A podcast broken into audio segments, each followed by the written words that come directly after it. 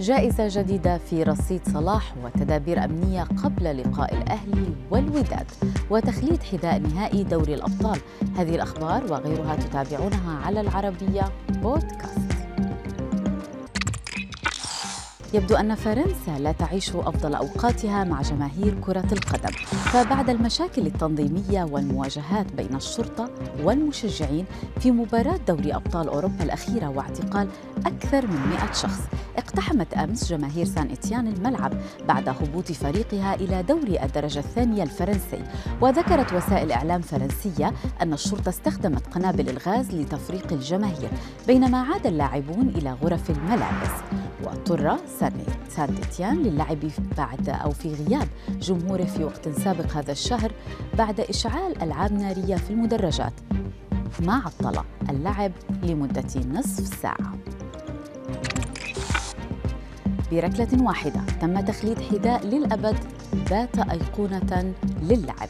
والحديث عن حذاء بريديوتر مانيا من أديداس. شركة المنتجات الرياضية أعادت إطلاق الحذاء من جديد احتفالا بمرور 20 عاما على تسديدة زيدان الرائعة في دوري أبطال أوروبا ضد باير ليفركوزن في النهائي. لم تؤثر خسارة الدوري الإنجليزي ولا دوري أبطال أوروبا في التقييم الفردي لنجم ليفربول محمد صلاح في الموسم الحالي. الفرعون المصري نجح اليوم في خطف جائزة جديدة لهذا الموسم وهي أفضل لاعب في الدوري الإنجليزي المقدمة من رابطة اللاعبين المحترفين بتصويت الجماهير.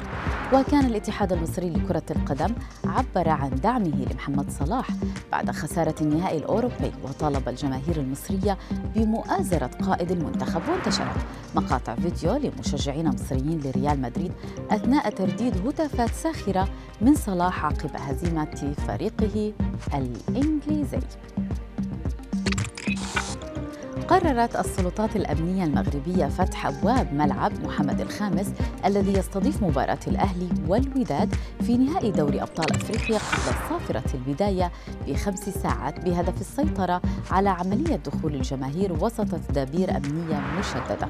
وكانت أزمة أثيرت بين النادي الأهلي المصري والاتحاد الأفريقي بشأن أعداد جماهير الفريق المصري في المباراة حيث أعلن النادي تسلمه 2500 تذكرة فقط. رغم إعلان كاف في وقت سابق تخصيص 10 آلاف تذكرة لكل فريق.